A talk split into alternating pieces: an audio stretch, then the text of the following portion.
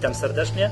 To jest podcast Echa Rynku, cykliczny podcast Stowarzyszenia Inwestorów Indywidualnych. Ja nazywam się Michał Masłowski, dzisiaj razem ze mną nagrywa Tomasz Wiśniewski z Giełdy Papierów Wartościowych. Dobra, Tomek, spotkamy się dzisiaj, ponieważ jest dosyć ważne wydarzenie na giełdzie, początek notowań e, nowego indeksu.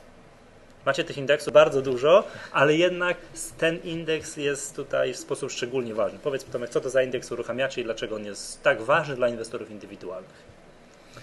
E, to jest już 25 indeks, który giełda rozpoczyna publikować. E, gdybyśmy spojrzeli na indeks, liczby indeksów liczone przez e, inne giełdy, to być może byśmy się nabawili kompleksów, niższości, jednak niższości. Natomiast my te indeksy, jeżeli chodzi o liczbę, rozwijamy sukcesywnie wraz z rozwojem rynku. Pojawiają się nowe spółki, pojawiają się nowe e, segmenty, nowe branże, a więc pojawiają się także nowe indeksy, tak żeby to pokrycie rynku było coraz lepsze.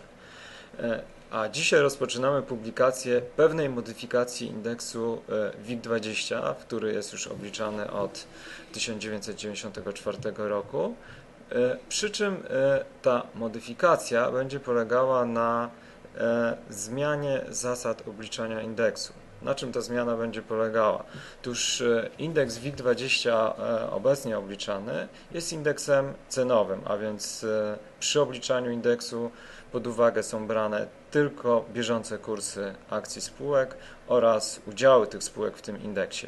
I to jest punktem odniesienia do, do wyliczenia każdej wartości indeksu. Natomiast w przypadku indeksu WIG20 w formule dochodowej, przy obliczaniu tego indeksu będziemy brali pod uwagę także ten dodatkowy dochód uzyskiwany przez inwestorów, szczególnie w postaci dywidendy. A więc w pewnym sensie indeks WIG20 jest takim indeksem WIG, bo indeks WIG jest indeksem dochodowym, tylko że skupiamy się na tych 20 spółkach. Możemy więc powiedzieć, że indeks WIG20 cenowy będzie pokazywał zmiany w cenach, a indeks WIG20 będzie także uwzględniał ten dodatkowy dochód inwestorów. Mm, indeks WIG, duży indeks WIG jest indeksem dochodowym. Dokładnie. A, to wyjaśniło mi się dlaczego. E, jest tak, ja pamiętam z dawien dawne czasy, że indeks e, WIG20, WIG wystarczyło razy 10 mniej więcej mnożyć i wychodził tyle, ile jest indeks, wiesz, WIG20 mnożone na 10 wychodził indeks WIG tak, a później się to rozjechało. Tak, tak. Później... A później się to rozjechało i, i, i Później jak pojawiły się spółki tak, czyli średnie, jak, jak ktoś mniej więcej wiedział ile jest WIG20, to wiedział ile to jest indeks WIG, ale no mówię o czasach typu minus 14 lat, minus 15 lat, czy no tam latach powiedzmy sobie 98, 97. Mm, a później to faktycznie teraz jest indeks no, razy 10 razy 2 jeszcze. No, prawie tak, dokładnie, ale to, to co mówisz to no. jest e, ciekawe e, spostrzeżenie, bo e, ono pokazuje, że no coś się rozjechało, prawda? Mhm. Że indeksy były do siebie podobne i w pewnym momencie się Szły rozjechały. mniej więcej tak samo, bo tak, i tak razy 10. I tak ci z indeksu WIG20 tak naprawdę decydują mhm. o tym, mhm. jak się zachowuje indeks Tak, tak, no bo to jest e, bardzo silne pokrycie mhm. e, rynku, jeżeli chodzi o, to, o te udziały. I, I właśnie wrócę jeszcze do, te, do tej e, tezy, że były podobne, a się rozjechały. I teraz pytanie jest, dlaczego się rozjechała? Więc jedna rzecz to mhm. może być po prostu to, że więcej do głosu, więcej do powiedzenia miał miały spółki ma małe i średnie, które, jeżeli byśmy spojrzeli na stopy zwrotu tych indeksów e, MWIG40 czy SWIG80 w latach tam tych takich e, dużych, silnych dobrej, wzrostów, tak. tak, to one mocno ten WIG ciągnęły, ale nie do końca bo, e, a więc e, ta suma by jeszcze nie dała tego wyniku pełnego, bo było coś jeszcze, a więc tym czymś jeszcze, naszym zdaniem, to były te dywidendy wypłacane przez spółki, te największe z WIG-u 20, które to nakręcały ten, ten WIG, bo my prowadziliśmy takie ciekawe analizy, troszkę oczywiście one mają charakter taki bardzo ogólny ale gdyby ktoś sobie to prześledził, to by zauważył, że e, korelacja, zależność między indeksem WIG a WIG20 jest bardzo silna, to jest na poziomie tam e, 0,95. No Ale stopy zwrotu z WIG-u będą istotnie różniły się od stopy zwrotu z WIG-u 20. Co się stało, kiedy uwzględniliśmy te operacje rynkowe, czy kiedy zaczęliśmy liczyć, przeliczyliśmy WIG20 dochodowy? Co się stało z tymi wskaźnikami? Otóż się okazało, okazało że Współczynnik korelacji nieznacznie wzrósł, natomiast stopy zwrotu są pra, prawie takie same, czyli że to jest właśnie to, co tutaj odgry, odgrywało tą krytyczną rolę. No dobrze. I to powiedz mi, dlaczego inwestorzy indywidualni w takim razie powinni w sposób baczny śledzić te historyczne, a właśnie, bo to, to nie jest, dzisiaj zaczniecie go pokazywać, ten indeks, tak? Mamy 3 grudnia, to nie wiem, kiedy podcast się ukaże, a od kiedy go zacznie wstecz przeliczyliście? Tak, dzisiaj 3 grudnia jest pierwsza oficjalna publikacja tego indeksu, e, ale my postanowiliśmy stworzyć jego, zbudować jego historię i przeliczyliśmy wartości tego indeksu wstecz od 31 grudnia 2004 roku, a więc tutaj mamy taki katalog e, blisko 8 lat. Tak, 8 tak? lat. E, I co ważne, przyjęliśmy, że wartość tego indeksu wtedy 31 grudnia 2004 była równa wartości WIG20 cenowego. A z ciekawości, dlaczego akurat od tej daty, a nie tam od 1994? E, tak, robiliśmy, robiliśmy analizy danych e, historycznych i okazało się, że e, z jednej strony znaczenie tych operacji rynkowych, które to uwzględniane są przy indeksie dochodowym w przeszłości było niewielkie, a z drugiej strony proces ten e, iteracyjny, czyli przygotowania danych jednak jest żmudny i narażony na pewne ryzyko co do jakości, dlatego... Tam nieuwzględnienia czegoś istotnego, tak? Tak, dokładnie. A tutaj trzeba pamiętać, że to jest e, już no, okres 18 lat, gdybyśmy chcieli to przeliczać, a więc no, taki pokaźny katalog informacji. No coś w tym jest, bo to rozumiem, że te operacje, o których mówisz, to głównie o dywidendę chodzi. Dokładnie. No bo to, ja też pamiętam, że w latach 90., jak już zacząłem się interesować giełdą i też Ina mówi, że inwestor, trzeba inwestować w spółki, które płacą dywidendę. No to tak się śmiałem, hmm, no dobra, to czyli w które, tak? No, praktycznie nic nie było. No a teraz zbudować sobie portfel spółek, które inwestują, znaczy, które wypłacają dywidendę, no to jest, no możliwości jest mnóstwo, tak? Bardzo dużo spółek już dosyć regularnie wypłaca dywidendę. Tak, nawet gdybyśmy... Dobra, a to powiedzmy, mhm. powiedz mi taką rzecz, jak, jak przeliczyliście to od tego 2004 roku, jaka jest różnica między wynikiem WIG-u 20 a wynikiem tego WIG-u 20 TR dochodowego? E, jak kiedy pierwszy raz zobaczyłem te dane, to e, bardzo mocno się zdziwiłem. Kazałeś jeszcze raz liczyć. E, dokładnie. Mało tego, sam jeszcze raz to przeliczałem.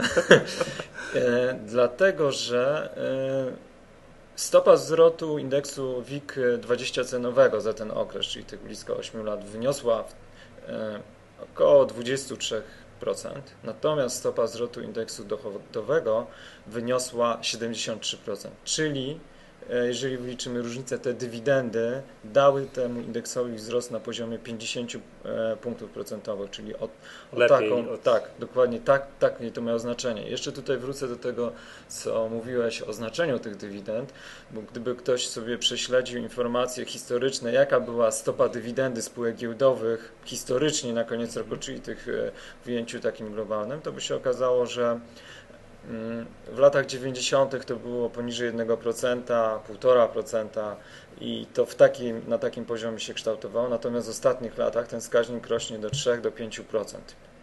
E, I podobnie jest w tej chwili, że e, stopa dywidendy dla spółek z WIG-20 to jest około 5-6%. Czyli już mniej więcej tak jak na rynkach rozwiniętych. Dokładnie, tak jak na rynkach rozwiniętych i to jest pewna też, nie, nie, warto, warto na to zwrócić uwagę, pewna konkurencja w stosunku do lokat, no bo gdy zobaczymy jak wygląda procentowanie lokaty, no to to już się wydaje atrakcyjne. Oczywiście rynek akcji to jest inne ryzyko inwestycji, ale e, ta stopa dywidendy tutaj już odgrywa istotną rolę. No wiesz co, takie inwestowanie dywidendowe ma sporo plusów, bo to można wybrać jakąś spółkę dywidendową i nie przejmować się, że ona spadła mi 15%. Co z tego, że ona spadnie 15%, jak ona rok do roku mi te 5, 6, 7% dywidendy zapłaci. No, tak, to z tego punktu widzenia można też podejść do sprawy. Oczywiście trzeba być czujnym, żeby nie ładować się na jakąś spółkę typu PBG, no bo bez przesady, ale jakiś taki portfel można próbować, yy, próbować budować. A powiedz mi taką rzecz, yy, jak często indeks będzie publikowany, wiem, notowany, czy on będzie takim, wiesz, w pasku w TVN NBC leciał obok WIG-20? To już będzie zależało od e, TVN CNBC, jak będzie ten indeks e, podawany. Natomiast my tej chwili zdecydowaliśmy, że ten indeks w odróżnieniu do indeksu WIG20 cenowego, tego, który już tutaj 18 lat na giełdzie jest obliczany, e, będzie podawane tylko trzy razy w ciągu dnia. Czyli na początku sesji pod koniec sesji i po jej zakończeniu sesji. O 11.15, 15.15 i po zakończeniu sesji, czyli około 17.45. Dlaczego tak zdecydowaliśmy? Ponieważ e, sam pomysł e, rozpoczęcia liczenia tego indeksu e, w naszych głowach już od dawna chodził, ale wiele osób miało do tego zastrzeżenia. Jednym z takich zastrzeżeń było to, że ten indeks E, w pierwszym e, okresie może być e, mylnie interpretowany przez inwestorów. Bo trzeba pamiętać, że na giełdzie warszawskiej duży udział stanowią inwestorzy indywidualni, a więc pojawienie się nowego indeksu, który być może nie będzie przez wszystkich zauważony, że się jednak to jest inna, inna nazwa niż WIG20, bo ten indeks będzie miał tą nazwę skróconą WIG20TR może przez inwestorów być niezauważane. Dlatego na razie Zaznaczam, na razie zaczynamy z publikacją tego indeksu e, w trybie trzy razy w ciągu dnia, tak żeby e, on był widoczny, ale e, żeby nie był mylnie identyfikowany z czy No bo co ważne, kontrakt terminowy jest na podstawowy WIG20. Dokładnie. Na przykład.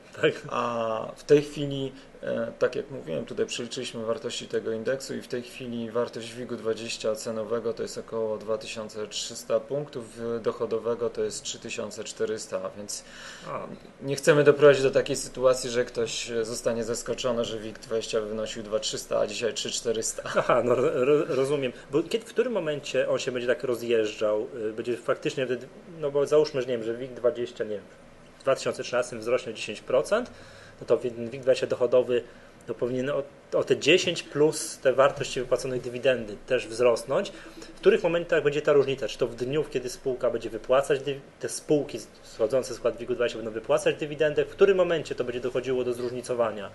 No, tutaj jest e, standardowa... procentowych zmian, mhm. takich dziennych procentowych zmian.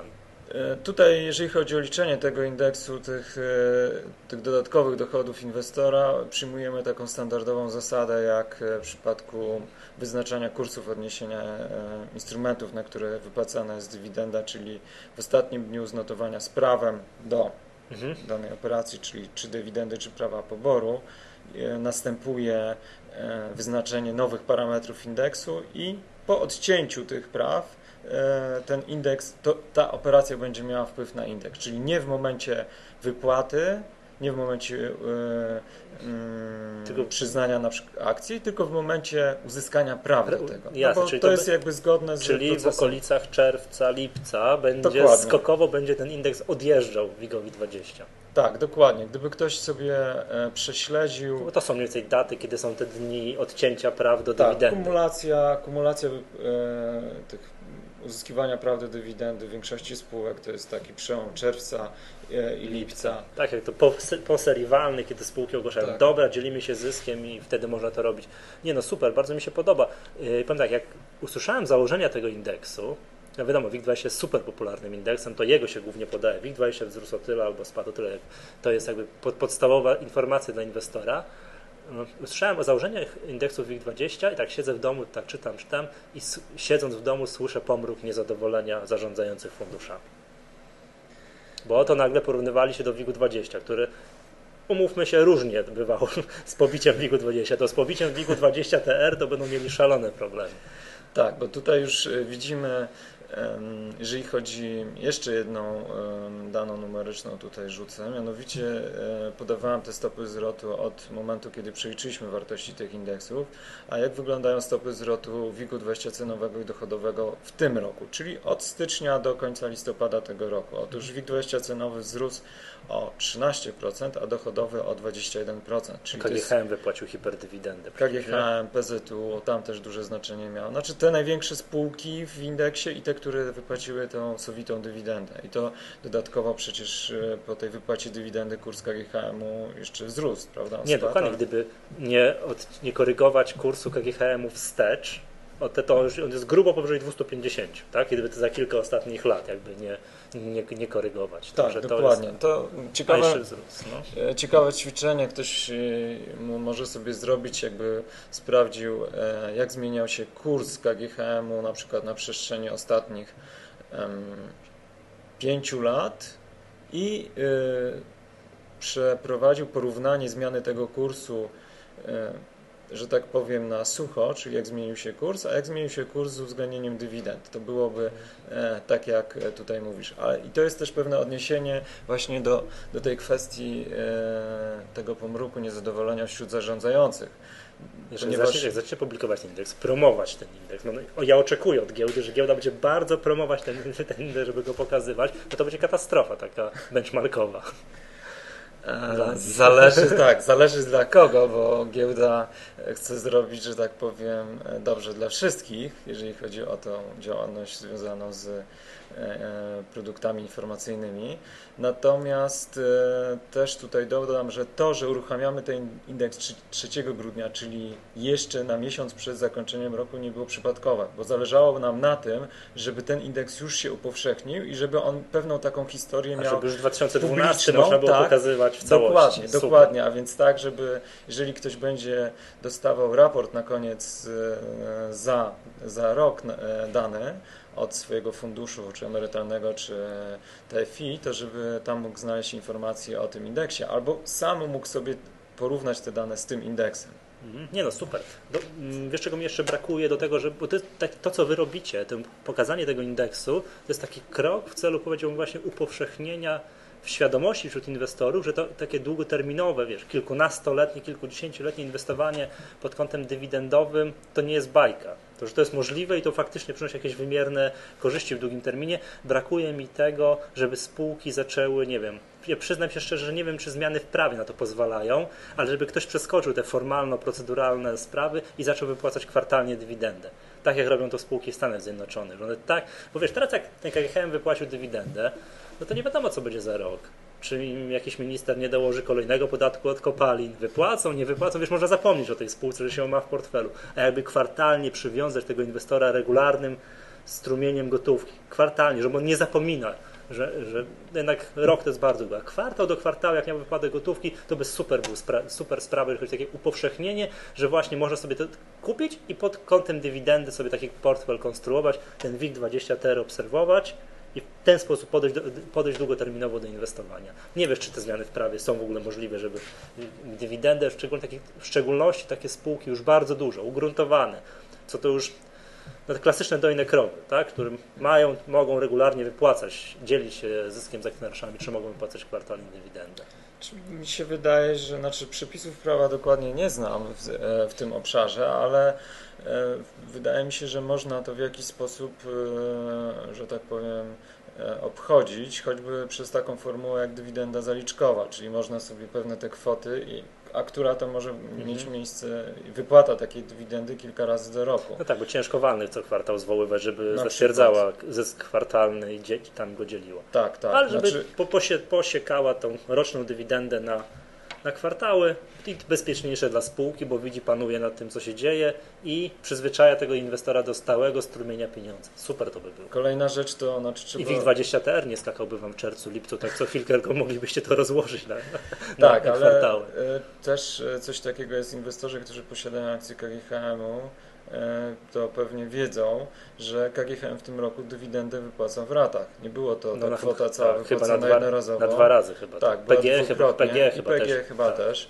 E, natomiast nie było to idealne rozwiązanie, bo część tej kwoty, znaczy odłączenie prawa do tej dywidendy in- inwestorzy uzyskiwali w jednym momencie, więc to nie było takie klasyczne wypłata, a natomiast środki na swoich rachunkach e, trafia, jakby zna, znalazły się tam w dwóch wypłatach.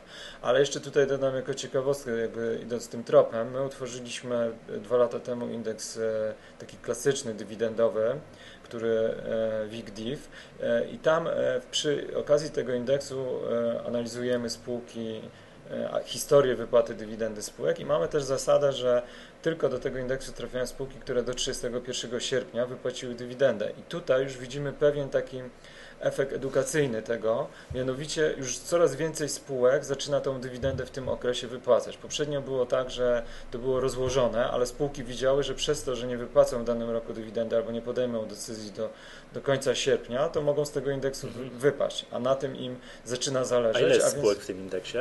W tym indeksie jest 30 spółek i do niego trafiają spółki z, z tej 140 największych, czyli z WIG-u 20, WIG-u 40 i z WIG-u 80. I tutaj przy tym indeksie bierzemy pod uwagę regularność wypłaty dywidendy, a więc to jest to, co mówiłeś, co jest mhm. istotne w przypadku właśnie e, tych spółek dywidendowych i e, sowitość tej dywidendy, czyli jak ta dywidenda wyglądała w ostatnim roku. A więc to jest, e, wydaje mi się, takie działanie, które też ma na celu e, zmianę tej pewnej e, kultury e, w relacji z inwestorami, dywidenda, inwestorzy, że to jest taki drobny krok, ale już w dobrym kierunku. I kolejne kroki mogą być właśnie takie, jak Ty mówisz, czyli, czyli zmiana tego podejścia w formule wypłaty tej No takie, ja kojarzę takie w Stanach, w Stanach Zjednoczonych nawet jak kojarzę jest takie pojęcie drugiego czeku. Inwestorzy sobie tak konstruują ten portfel y, akcji, wiadomo, to, to jest o wiele starszy rynek, więc konstruują go od dziesięcioleci, może czasami rodzinnie, żeby jeżeli mają jakieś przychody, gdzieś pracują, to żeby drugi przychód porównywalny mieć właśnie z inwestycji właśnie na giełdzie, z tej dywidendy. No i podczas kryzysów tam, który się tam w 2008 zapoczątkował, bardzo wiele spółek, które konstruowały, które wypłacały dywidendy no od dziesięcioleci niemalże nagle ciach, uciały, no bo trzeba pieniądze w spółce zatrzymać. Wiem, że były straszne awantury, że co to ma być? Dywidenda co kwartał albo i co miesiąc, bo są takie spółki, które co miesiąc wypłacają dywidendy, ma być i koniec. Także widać, że inwestorzy przywiązują się do tego i w ten sposób no, tak kombinują, żeby tak sobie te spółeczki dobierać, żeby mieć regularny, częst, częsty przypływ gotówki. Super sprawa moim zdaniem. To by bardzo pomogło takim długoterminowym, takim, takim inwestowaniu w kontekście emerytalnym w Polsce. No tak, dokładnie, bo to jest jakby e, to, co tutaj może nie zostało powiedziane, moim zdaniem e, istotne. W przypadku e, tego podejścia należy patrzeć z punktu widzenia inwestowania, a więc to, co powiedzieć, długoterminowe inwestowanie. Czyli to mhm. nie jest gra na giełdzie, spekulacja, tylko inwestowanie. Czyli mamy ten katalog spółek i na nie patrzymy z perspektywy właśnie długiego przedziału czasu. No a dlaczego, a, no, a po co długo? No możemy to patrzeć z punktu widzenia właśnie budowania tego portfela emerytalnego. Jest. Dobrze.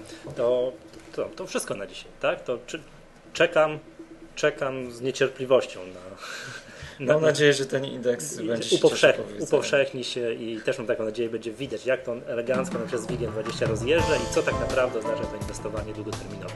Ok, to wszystko na dzisiaj to był podcast Echa Rynku. Ja nazywam się Michał Masłowski, dzisiaj razem ze mną nagrywał Tomasz Wiśniewski.